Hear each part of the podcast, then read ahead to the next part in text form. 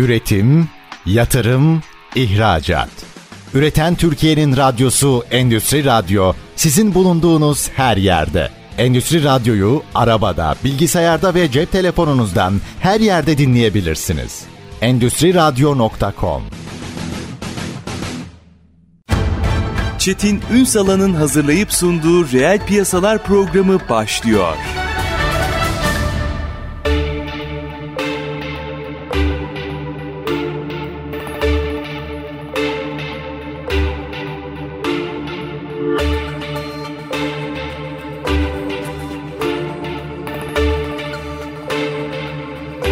Reel piyasalardan merhabalar. Türkiye'nin gerçek gündeminde birlikteyiz. Efendim bugün gayrimenkul piyasasına Tekirdağ'dan bakacağız. Özellikle biliyorsunuz özel bir yer Tekirdağ. Hem e, yapısı itibariyle hem bir tarafta tarım arazileri itibariyle biraz daha arazi tahsisinin daha zor olduğu alanlardan biri. Burayı konuşacağız. Piyasa ne durumda? Oranın biraz nabzını tutacağız. Özellikle şu orta gelirliğe yönelik konut kampanyasını bir değerlendireceğiz. Nasıl etkileri oldu? Nelere dikkat etmek gerekiyor? Az sonra yine konuma sormak istediğim noktalardan bazıları şunlar. Özellikle güneş ve rüzgar enerjisine odaklanan bir yapı olduğunu görüyoruz. Fabrikalarda bunu değerlendirmesini yine alacağız. Son dönemde sanayicilerin depo bulmakta bir takım zorluklar çektiği de yine daha önce verdiği beyanatlar arasında birçok şeyi konuşacağız. Kim bugün konuğumuz? Gayrimenkul uzmanı Gülcan Altınay. Bugün reel piyasaların konu. Sayın Altınay yayınımıza hoş geldiniz efendim. Yayınlar diliyorum sağ olun. Çok çok teşekkür ediyorum. Önce en geleneksel soruyla başlayalım.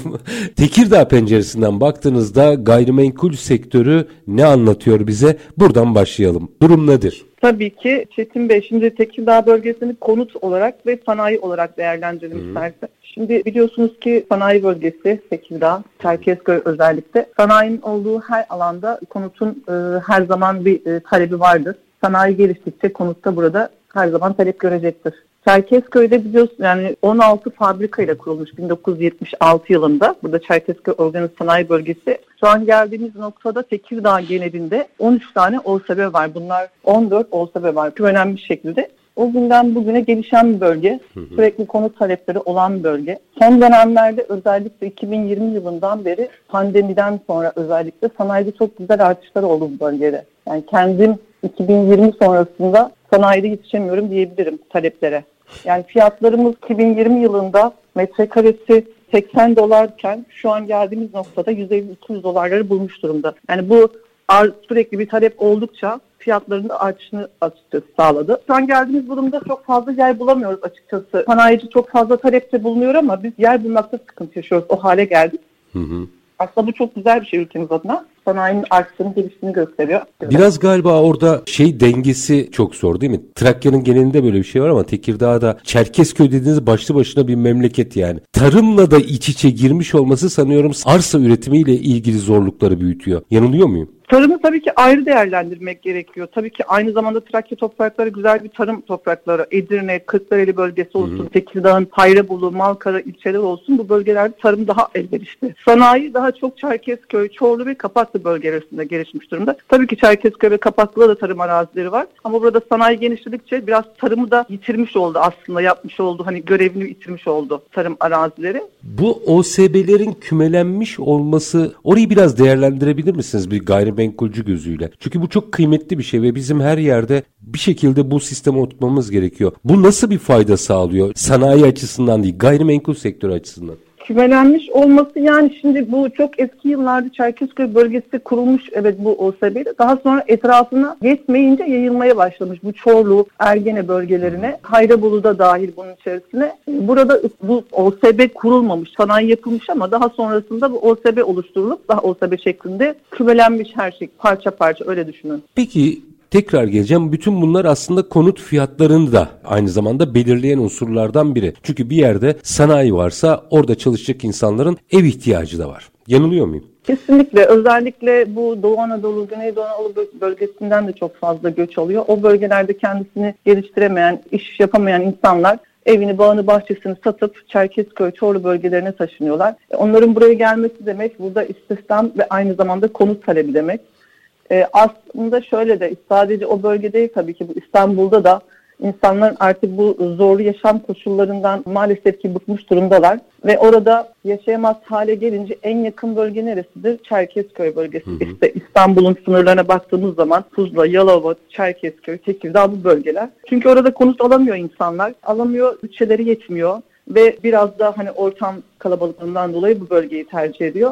Yani atıyorum 5 milyona 10 milyona İstanbul'da konut alırken İstanbul'da Tekirdağ, Çerkezköy, Çorlu bölgesine geldiği zaman işte 1 milyona, 1,5 milyona, 2 milyona çok rahatlıkla konut alabiliyor. Hatta ikinci el konuta geldiği zaman 700-800 bin lira bir konut da bulabiliyor. O yüzden daha çok bu bölgeler tercih ediliyor. Onların yani Karadeniz'inden tutun Doğu Anadolu'su, Güneydoğu'su bütün herkesin göç ettiği bir bölge. Hı hı. Kendi adıma söyleyeyim son mesela bir yılda baktığımız zaman ben bu arada sanayi çalışıyorum. Ticari gayrimenkul danışmanıyım ağırlıklı. Kendi yapmış olduğum, getirmiş olduğum fabrika istihdam baktığım zaman son bir yılda, iki yılda bin kişi burada bir çalışmaya başlıyor. Bunun hepsi sadece fabrikaların hani kurulduğu Çerkezköy bölgesi etrafından değil. Fabrikasını Antep'ten getiriyor. Hadımköy'den getiriyor. Atıyorum Beylikdüzü Osebe'den getiriyor. Bunların hepsi de göç dalgası oluşturuyor bu bölgeye. Ve yeni konut talepleri demektir. Yeni konutların yapılması gerekiyor demektir. Hı hı. Burada şimdi bu meseleye biraz dan yine döneceğim ama tam bu noktada o orta gelirliğe yönelik konut kampanyasını değerlendirmenizi rica edeceğim. Çünkü burada bir takım fırsatçıların çıktığını ifade ediyorsunuz. Özellikle Tekirdağ'da fiyatları uçurma babında. İki aşamalı bir soru sorayım. Birincisi bu orta gelirliğe yönelik konut kampanyası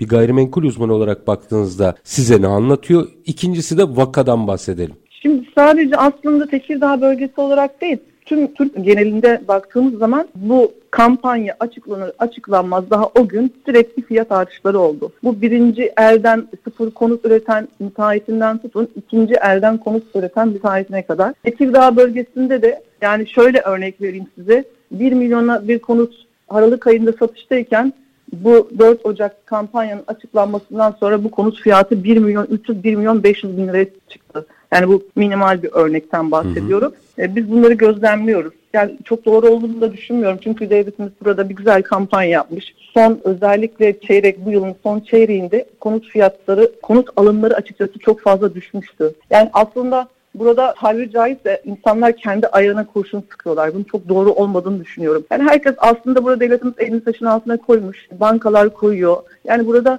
üretici firmalar da konut satanlar da elini taşın altına koyması gerekiyor. Çünkü bu bizim hepimizin kalkınmasını sağlayacak bir proje aslında. Hı hı. 2020 yılında hatırlarsanız bu pandemide her şey, bütün piyasalar durmuştu. Konut zaten ekonomide bir çöküntü olduğunda ilk etkilenenlerden birisi inşaat ve konut sektörüdür özellikle. Ve çok iyi hatırlıyorum. O zaman proje danışmanlığı yapıyorum konut sektöründe. Kimse konut alamaz haldeyken orada bir 0.64'le bir kredi indirimi yapılmıştı son bankaların özellikle. Ve herkes bir daire alma arayışına girmişti. Biz konut satmayı yetiştiremez hale geldiğimiz bir birkaç aylık bir dönemdi. Ve Orada herkes ne yaptı? Bütün daire fiyatlarını arttırdı. Yani atıyorum insanlar o kadar ellerinde stokta daire vardı ve satamıyorlardı ki 1 milyona satamaz o daireyi 1,5-2 milyona satmaya başladı. Çünkü niye? Herkes bir akın etti. Herkes daire almaya çalıştı. Sonra ne oldu? Tekrardan bu yeni kampanyalar, Eylül ayında bir kampanya yapıldı. O zaman aslında bu dar gelirliye yönelik güzel bir kampanyaydı. Yine aynı artış oranları gözlemli ama bu sefer orta gelirli de hani bu kampanyanın tekrar açıklanmasında bu fiyat artışları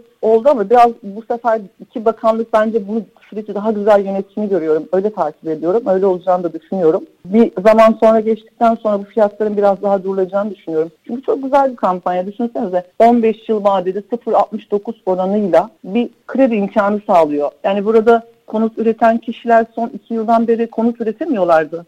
Yani iş yapılmaz haldelerdi. Sadece müteahhiti ilgilendirmiyor baktığınız zaman. Bunun bir sürü kalemleri var. Bunun mühendisinden, mimarından tutun, inşaat malzemesinden, betonundan, çimentosuna yani o kadar çok kalem var ki etkilenen bu sektörde ve bunların hepsinin tekrar kalkınması demek. Yani aynı zamanda müteahhite de kredi desteği veriyor. Yani bunların çok güzel bir avantajları varken burada insanların birazcık elini taşın altına koyması gerekiyor. E, çok fazla fırsatçı olmaması gerekiyor. Çünkü her yapılan hareket kendi ülkemizde ve kendimize yapılan bir hareket, yanlış hareket. Birdenbire yani burada... fırladığını söylüyorsunuz siz yaptığınız açıklamada e, konut fiyatlarının. Evet. Yani bu 4 Ocak'tan sonra olan bir artış. Kesinlikle her kampanyada olan, yapılan bir hareket yani. Hiç gerek yok. Kesinlikle gerek yok. Yapılan her hareket kendimize yapılıyor. Bu değerleme meselesini bir mercek altına almak gerekmiyor mu? Yani gerçekten bizim gerçek değerleri bulabilmek için ne yapmamız lazım? Bunun için zaten şu an yeni bir çalışma var bilirsiniz ki. Bu tapuda böyle bir sistem gelecek.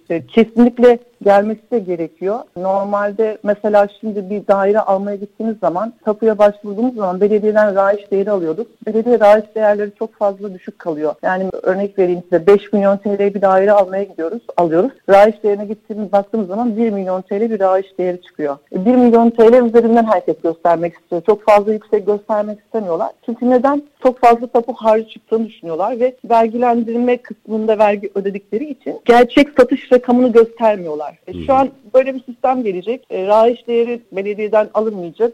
Burada bir değerleme kurumu olacak. De o piyasa koşullarında ne kadar o dairenin fiyatı? 5 milyon. Evet 5 milyon diyecek. Bu tapuya işlenecek ve gerçek değer üzerinden satış görecek. Burada aslında bu vergi kayıplarının da önüne geçilmiş olacak. Aslında bu ekonomiye de bir katkısı olacak. Ve e, gerçek rakamlar baz alınacak. Ha, burada şöyle bir şey. %4 ya bu tapu masrafları mesela. Burada birazcık satıcıya ve alıcıya çok yük gelmiş oluyor.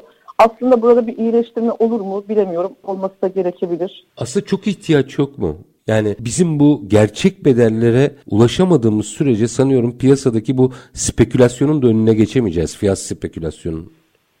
Kesinlikle. Bununla ilgili yaptırımların olacağını düşünüyorum. Ee, böyle bir çalışma var zaten. Bunların ben bu 2023 yılının sonunda gözlemlediklerimden kadarıyla yani hayata geçeceğini düşünüyorum. Çünkü bu vergi kayıplarının önüne geçilmesi gerekiyor. Haksız bir kazanç var burada. Gerçek bir değer var. Onun üzerinden işlenmesi gerekiyor tapuya. Yelpaze çok dağınık mı Gülcan Hanım? Merak ettim. Yani fiyat aralıkları çok yüksek mi? Fiyat aralıkları çok yüksek mi? Aslında baktığınız zaman son bir yılda evet yüksek. Yani inanılmaz yüksek bir artış tablosu var. Aslında gerçekten o enflasyon artışına, dolar artışına göre artmıyor. İnşaat e, maliyetleri artışına göre artmıyor. O tabloya baktığım zaman ve belli bir seviyede kalması gerekiyor. Yani bugünkü 5 milyon TL olan dairenin fiyatı gerçekten 5 milyon TL değil. Bana göre değil. Çünkü o artış oranlarına baktığım zaman iyi kötü maliyet hesabı yapıyoruz. Onların da hesabına baktığımız zaman yüksek. Çünkü bu neden kaynaklanıyor Çetin Bey? Şimdi son zamanlardaki fiyat artış aslında şundan kaynaklanıyor. Konutta olan arzdan, arzdaki sıkıntıdan kaynaklanıyor. Hı. Çünkü sahiplerimiz konut yapamadı. Stoklar eridi. Daha sonra sıfır konutlar yapamaz hale gelince arzda bir sıkıntı oluştu. Her zaman bu arz talep dengelerinden kaynaklanır zaten piyasalardaki dalgalanmalar. Satıda alamayınca, konut alınmayınca var olan konutların talep gördükçe fiyatları da artmış oldu. Bu kira, keza bu kira fiyatları da aynı şekilde buna bağlı. Son şöyle örnek vereyim size. Geçen bir yıl öncesine örnek vereyim. 3000 TL'ydi bir kira. Kasım ayında, geçtiğimiz yılın Kasım ayında. Tekrar bu Kasım ayında 2022'nin Kasım'ında sözleşme yapılacağı zaman aynı kira oranı baktığımız zaman günümüz şartında 9 bin 8 bin TL olmuş. Yani ciddi bir artış oranı. Bu da neden kaynaklı? Satın alacak insanlar daire bulamadılar. Daire bulamayınca kiralamaya yöneldiler. Kiralamaya yöneldikçe talebin olduğu her yerde artış bir balon bir artış oluyor. Aynı şekilde o kira fiyatları da artmış oldu. Aslında şu an yeni konut üretimleri arttıkça ve satış gördükçe bu bunların hepsi bütün dengeler yerine oturacak aslında. Bu da bu 2023'ün sonuna doğru daha böyle normalleşmiş stabil bir konut piyasası oluşacak. Bu yeni kampanyaların artmasıyla ve devam etmesiyle. Ben öyle düşünüyorum ki şu an 100 bin konut evet yapılacak bu orta gelirli kampanyadan bahsediyorum. Yeni evim kampanyasından. 100 bin konut yapılacak ama bence bu şu an ülkemizde getirilmeye çalışılan bir yeni mortgage modeli olarak görüyorum ben bunu. Bunun Aa, bir dakika normalde... durun. Gülcan Hanım şimdi o model gördüğünüz modeli biraz açmanızı rica edeceğim ama yarım kalmasın bir reklam arasına gitmem gerekiyor. Bunun nasıl bir model olduğuna ilişkin analizinizi almak isterim yarım kalmadan. Ama müsaade edin minik bir araya gideyim. Aranın ardından tam da bu gördüğünüz modeli bize anlatırsanız çok sevinirim. Ama minik bir ara. Kısa bir araya gideceğiz. Aranın ardından gayrimenkul uzmanı Gülcan Altınay ile sohbetimiz devam edecek. Lütfen bizden ayrılmayın. Üretim, yatırım, ihracat. Üreten Türkiye'nin radyosu Endüstri Radyo sizin bulunduğunuz her yerde. Endüstri Radyo'yu arabada, bilgisayarda ve cep telefonunuzdan her yerde dinleyebilirsiniz. Endüstri Radyo.com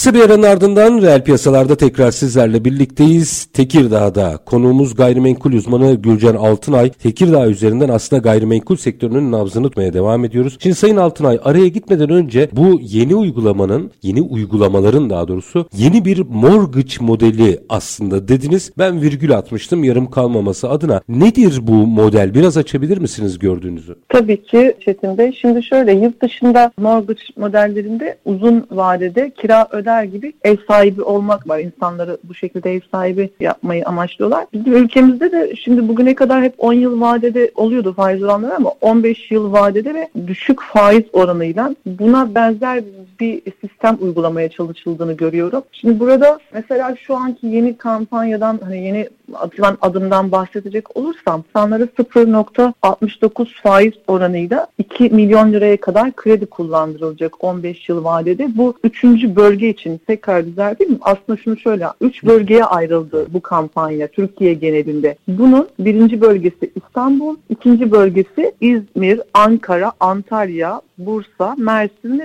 Muğla olarak ilçeler ayrıldı.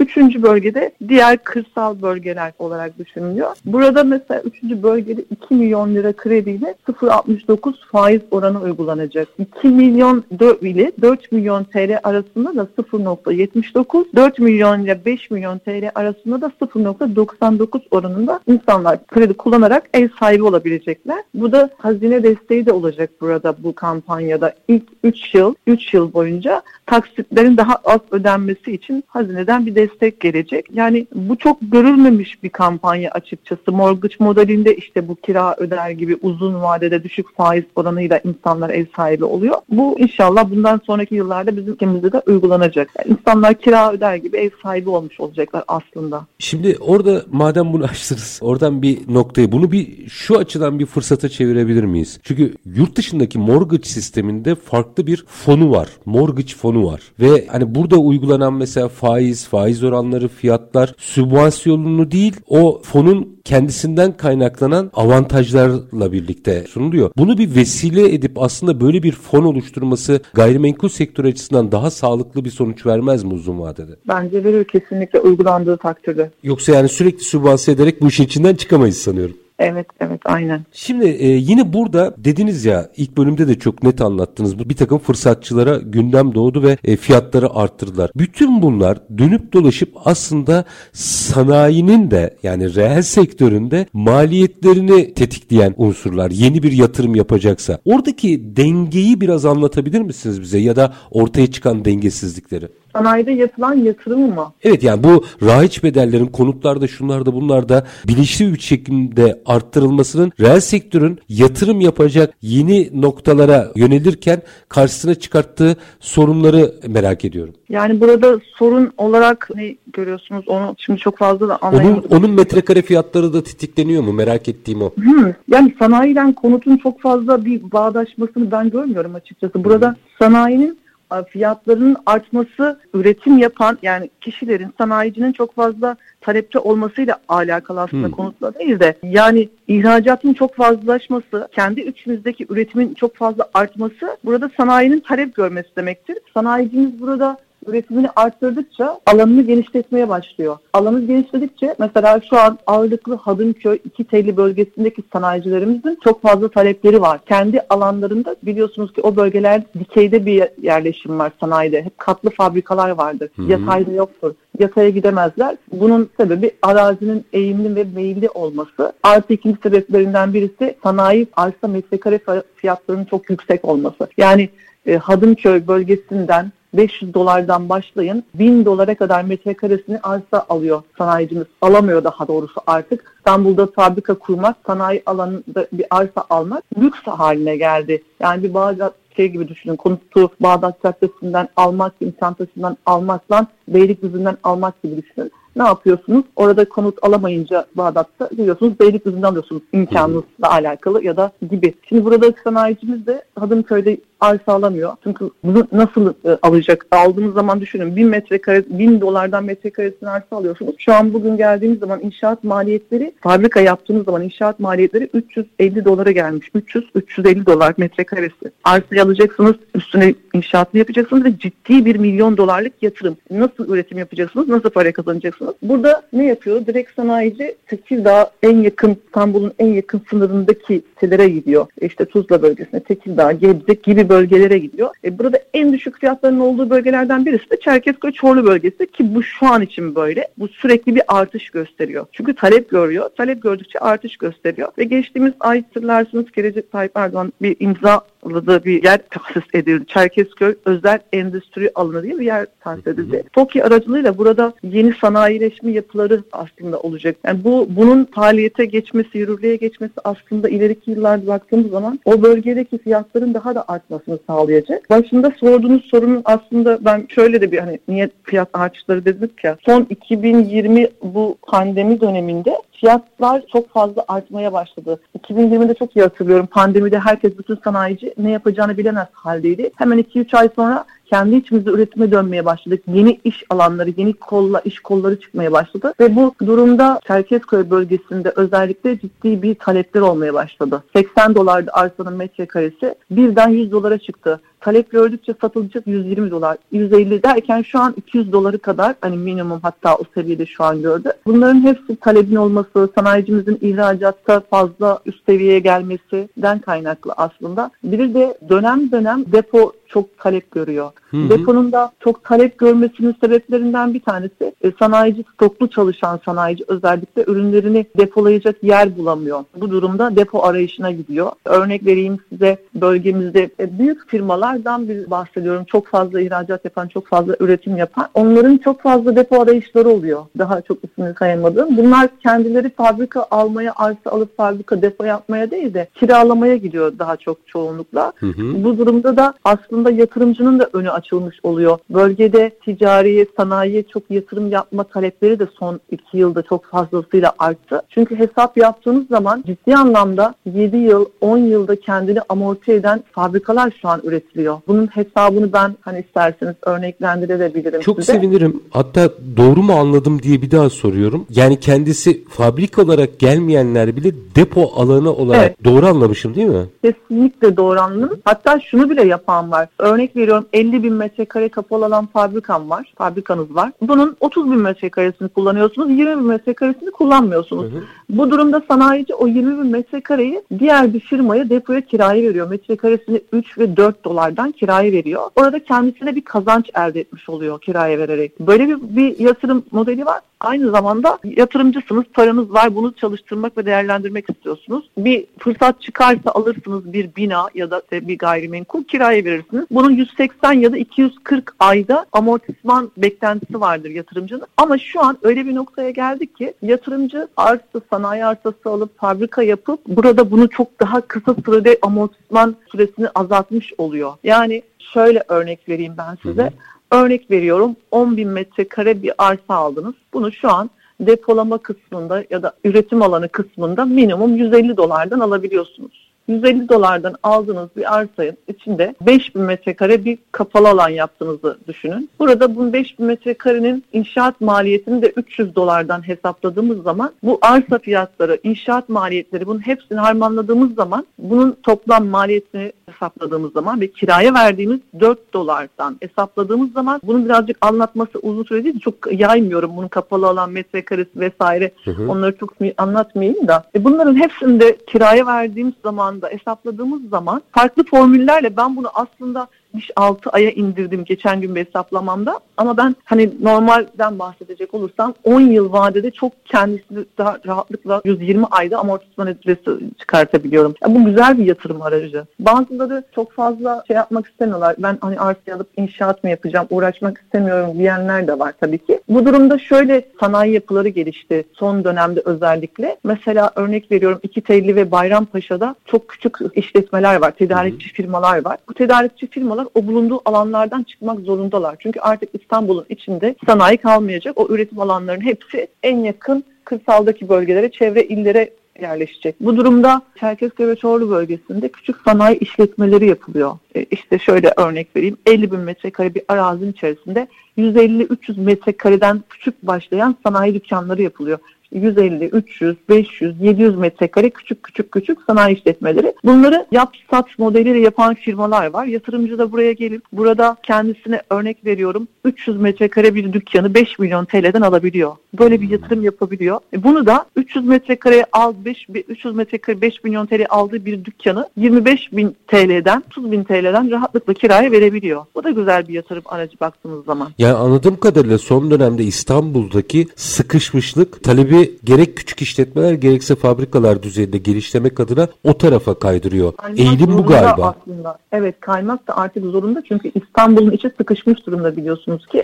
Mahalle aralarında konutların olduğu bölgelerde fabrika bacaları var, fabrikalar var. Ben kendim içinde bizzat olduğum için yani orada bir yaşam alanı olması mümkün değil. Onların oradan mecburen çıkması gerekiyor ki zaten belediyeler bunu çok müsaade etmiyorlar. Örnek bir tane Arnavutköy bölgesinde bir firmam var. Artık belediye orada bunlar kauçuk işi yapıyorlar. Artık belediye çok müsaade etmiyor. Çünkü çok güzel bir noktada ve şehrin içinde kalmış bir fabrika. E, bu durumda biz kendisine Çerkezköy Çorlu bölgesinden yatırım yaptırdık. Arsa ve şu an inşaatına başlayıp fabrika yapacak. Fabrikasını İstanbul'dan buraya taşımak zorunda kalıyor. Yani artık mecburen. Anladım. İstanbul'da Anladığım kadarıyla bu bu eğilim biraz daha devam edecek. Eğilim devam ettikçe İstanbul'daki işletmelerin en rahat kaçtıkları bölgeden bahsediyoruz aslında. Şu depo meselesi biraz enteresan. Bir araya gideceğim. Orada özellikle e-ticaretin de tetiklenmesiyle birlikte e, bunu Anadolu'da birçok ilde görüyorum. Böyle lojistik alanlar, depo alanları çok fazla ön plana çıkmaya başladı. İşin o boyutunu da biraz değerlendirmenizi rica edeceğim ama minik bir araya gideyim. Aranın ardından işin bu boyutunu biraz konuşmak istiyorum. Efendim gayrimenkul uzmanı Gülcan Altınay'la sohbetimiz devam edecek. Gayrimenkul piyasasını konuşuyoruz. Tekirdağ üzerinden aslında Trakya'yı mercek altına alıyoruz. Kısa bir araya gidelim. Aranın ardından reel piyasalardayız. Lütfen bizden ayrılmayın.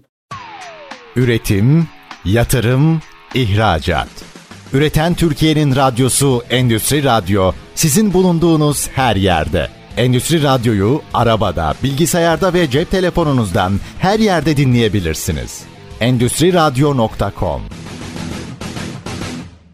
Kısa bir aranın ardından reel piyasalarda tekrar sizlerle birlikteyiz. Gayrimenkul sektörünün nabzını tutuyoruz. Tekirdağ'dayız. Konuğumuz gayrimenkul uzmanı Gülcan Altınay. Şimdi Sayın Altınay depo meselesi enteresan. Hatta bir yatırım aracı haline de dönüşmüş anladığım kadarıyla. Bu konuyla ilgili yatırım yapanlar da atıl yerlerini depoya kiralayıp maliyetlerini çıkarıyorlar. Ama bir faktör daha var. E-ticaret. Biliyorsunuz pandemide sıçrayarak hayatımıza girdi. Bu beraberinde depo ihtiyacını ya da lojistik merkezler ihtiyacını da beraberinde getirdi. Bu açıdan baktığınızda Trakya'da durum nasıl?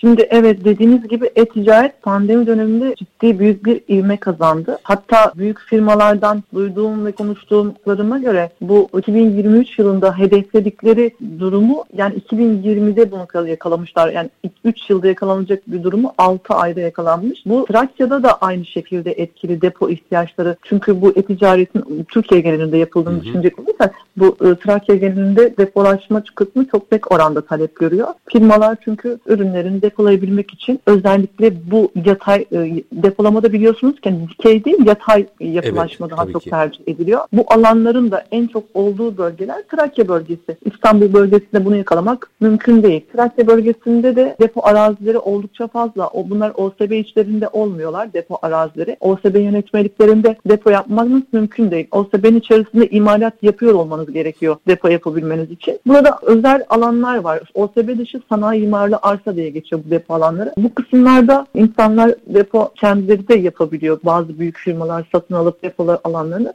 Ama genelinde kiralama yöntemine gidiyorlar. Hı hı. Yükseklikleri yaklaşık 14-15 raflama sistemine göre değişiyor. Bazısı 7 metrede tercih ediyor, bazısı 15 metrede raf sistemle depolama yapabiliyor. Ürünlerini buradan Trakya bölgesine ya da farklı bölgelere ürünlerini buradan aktarabiliyorlar. Bu yaptığınız bir değerlendirmede geçen yılın ortalarında sanıyorum. Burada ambalaj, gıda ve kozmetik sektörlerinin dikkat çektiğini ifade ediyorsunuz. Biraz detay verebilir misiniz? Evet bu biliyorsunuz ki pandemi döneminde insanlar eve kapandığı dönemde daha çok belli bir kesim şey yöneldi.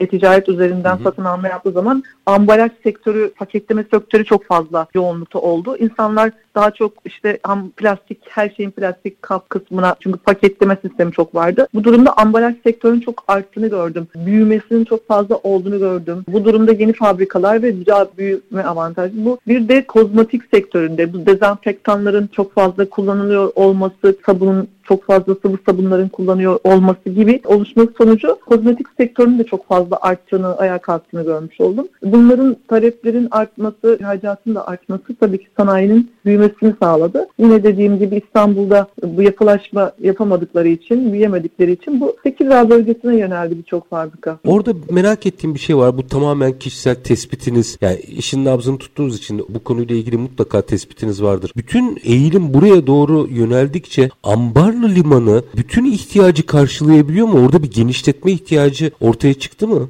Ambar Limanı evet orada bir genişlet daralma oldu. Burada Tekirdağ bölgesinde Asya Port Limanı devreye giriyor ve girecek tam olarak yürürlüğe girmedi. Bunu da o Tekirdağ bölgesindeki Asya Port Limanı'ndan çözülebilecek 40 kilometre mesafesi. Tekirdağ Asya Port Limanı'nın Çerkezköy uzaklık mesafesi. Hı hı. Orayı da kullanabiliyor sanayicilerimiz. Ama kullanamayanlar Ambar Limanı da çok fazla uzak sayılmıyor. Burada İstanbul'un sınırı gibi düşünün Çerkezköy'ü. Doğru. Yani anladığım kadarıyla yeni bir liman geliyor oradan.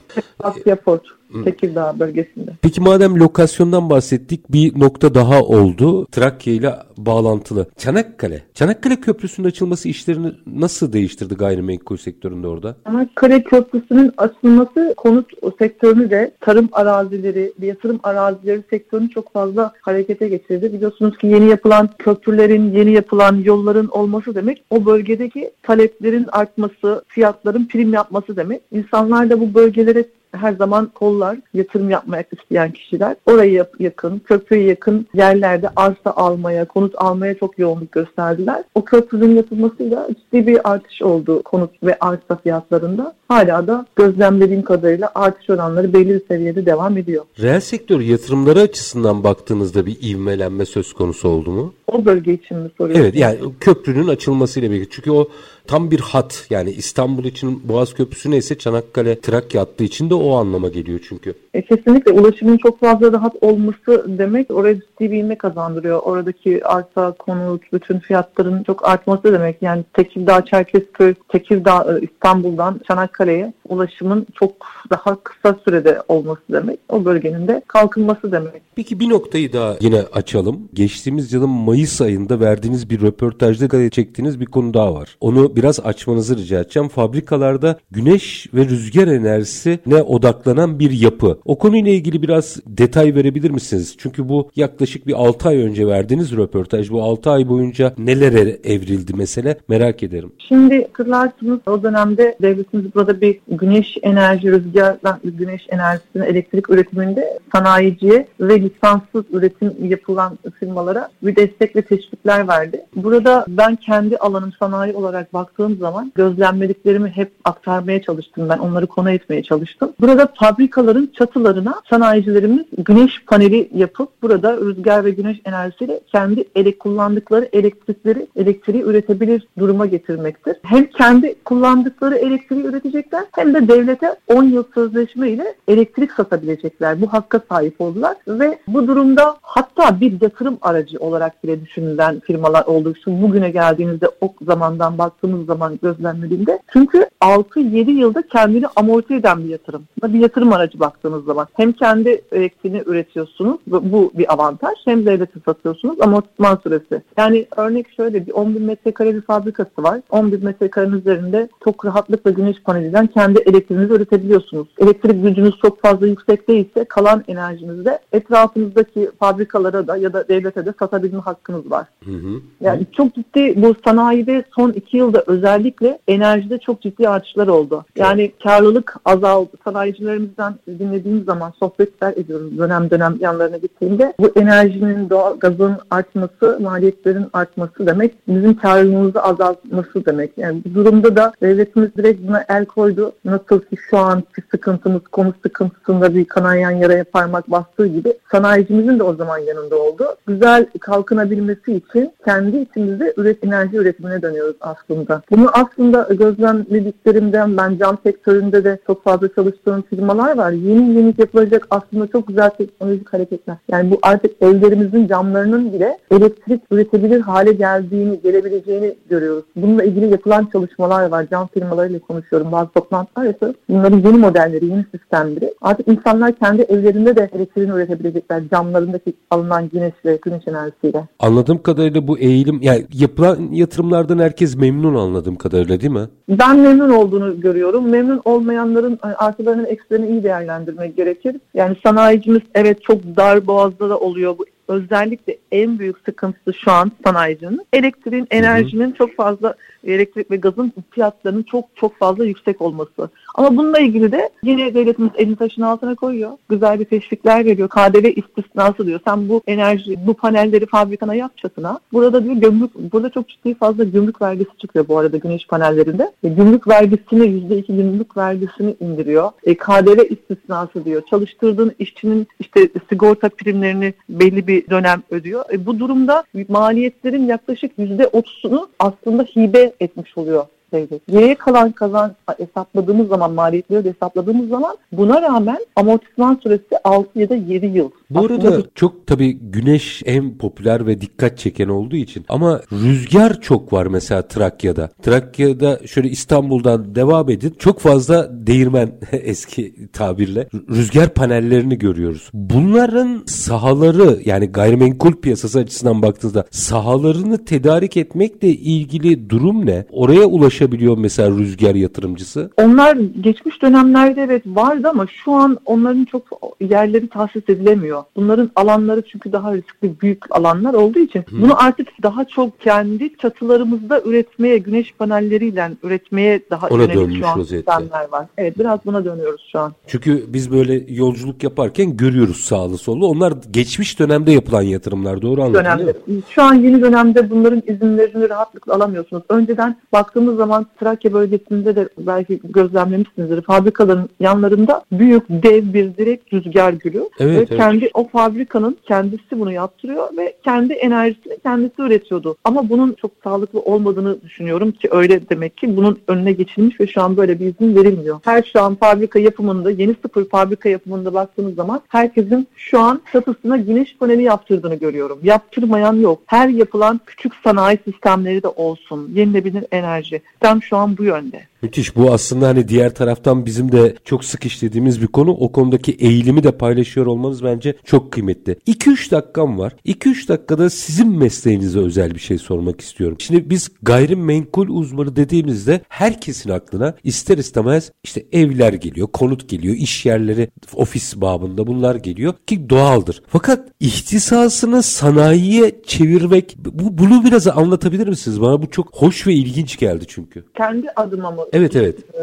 yani istihdam olarak mı soruyorsunuz bu Hayır hayır hayır. Mesela buraya niye sanayiye konsantre oldunuz mesela? Bunun kendine has özellikleri var mıdır, nitelikleri var mıdır? Bunu merak ederim.